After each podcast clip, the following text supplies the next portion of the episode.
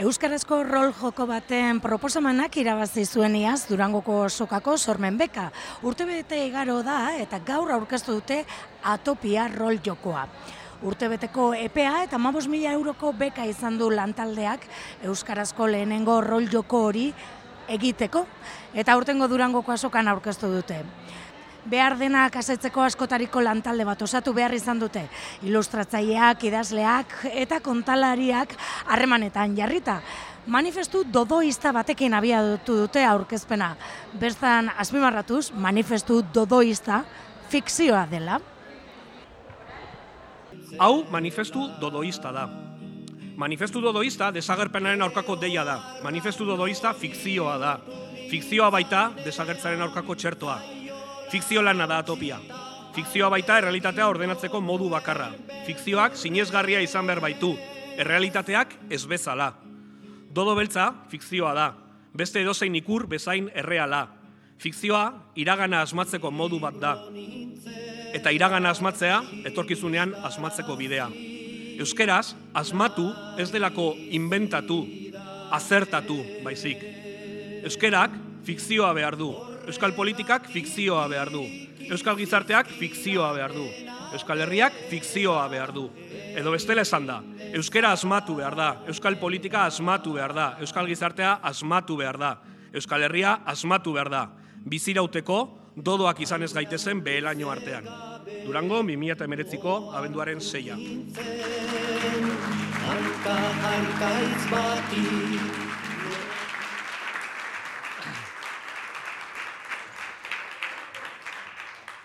atopia rol joko bat da eta aldi berean liburu bat da ere. Horretan askotariko historiak, ipuinak eta ilustrazioak aurki daitezke, den denak Euskal Herri alternatibo batean oinarrituta. Umorea ere ez da falta, gaur egungo errealitateari askotariko keinoak egin bai diote, arlo askotan.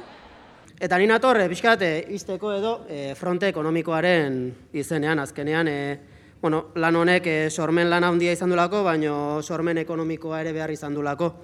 Eta fronte ekonomikotik mezu, mezutxo bat emateran ator. Uste dugu objektu kultural guztiz fina sortu degula. Eta oso oso pozik gabe, emozionatuta, esango nuke. Objektu guztiz fina, objektu kultural bat e, sortu degulako gure ustez. Oraindik ere gaur galdetu digute ea aplikazioa noiz jarriko dugun deskargarri, liburu bat egiteko eman ziguten saria eta guk liburu bat egin dugu. Horrek ez du esan nahi, hemendik aurrea beste hainbat gauza egingo ez ditugunik. E, objektu kultural guztiz fina sortu dugu eta mila esker esan, esan beharra daukagu ez, e, atopiakide guztiei, hemen daudenei eta hortik ere badaude atopiakide kide gehiago, etorri ezin izan direnak ere badaude, gerediagari ere eskerrak, sariagatik, durangoko udalari ere, saria, sariagatik, farmazia beltzari bere e, zera, ISBNA usteagatik, eta e, hemendik aurrera ere espero dugu distribuzioan laguntzeagatik. Ilustratzaiei hemen batzu daude, baino egia esan oso oso pozi gaude e, ilustratzaileak egin duten lanarekin ikusi ez dute pantailan izugarrizko lana da, eta bueno, e, animatzei zuet e, zera, liburua eskuratu eta lan hori ikustera. Idazlei, parte hartu duten idazlei, hemendik badago baten bat ere, mila esker, bizikidei, azkenean urte bateko prozesua izan delako, benetan gozagarria, esango nuke, telegram bidez antolatua eta, bueno, e, telegram bidez e, ez genekin horrelako zerbait egin ari izango genuken, baina egin dugu, gelditu gutxitan egin geha, Pirineotan gelditu ginen, kanpin batean, egun batean, eta hortik aurrera e, telegramek eman du beste guztia, baina izugarrizko lana izan da, e, askore, askoren lana.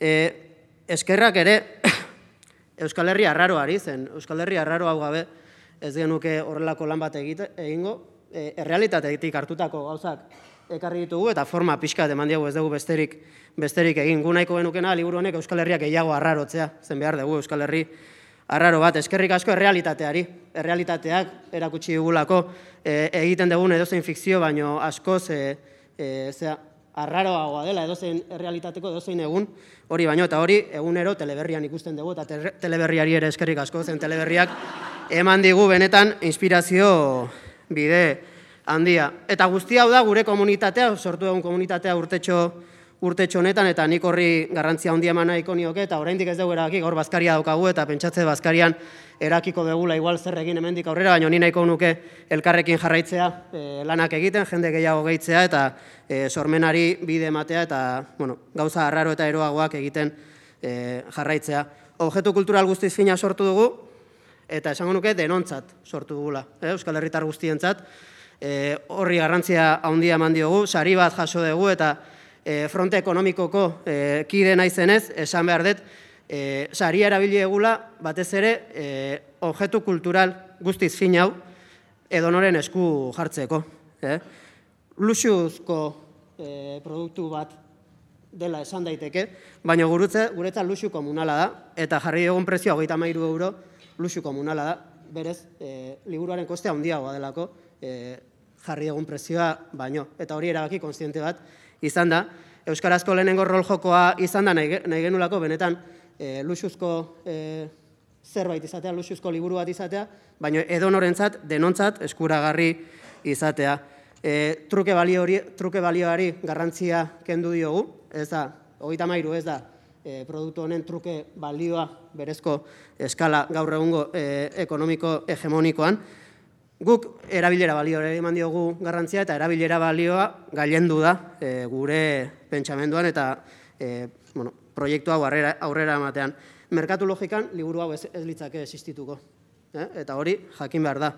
E, nik uste behar duguna ez da kultura kontsuma, baizik eta kulturan bertan bizi izatea, bai sortzaileak, bai kultura egunerokoan e, erabili nahi dugunak. Hau da, kultura bizi dezagun denok, denok eduki dezagun kulturan sortu eta egunero bizitzeko aukera. Sortu ezagun sortzaileek beraien bizi proiektuak garatzeko aukera izan, izan dezaten eremu bat. Zen sortzaileek ezin badute beraien bizitza kulturaren inguruan eraiki ez da kulturarik egongo. Izan dadin kultura hau ere kolektiboa, modu kooperatiboan sortua zen kooperatibismoa, sozialismoa da, Jose Azurmendik esan zuen bezala, eta hori guretzat oso garrantzitsua da. Kulturak elkartasuna behar du, etorkizun berri bat, eta gu hori ekartzera gatoz e, liburu honekin. Hori honen ikusiko dugu elkar, orain ospatzera guaz, zuen baimenarekin, kultura eta aparatasuna denontzat.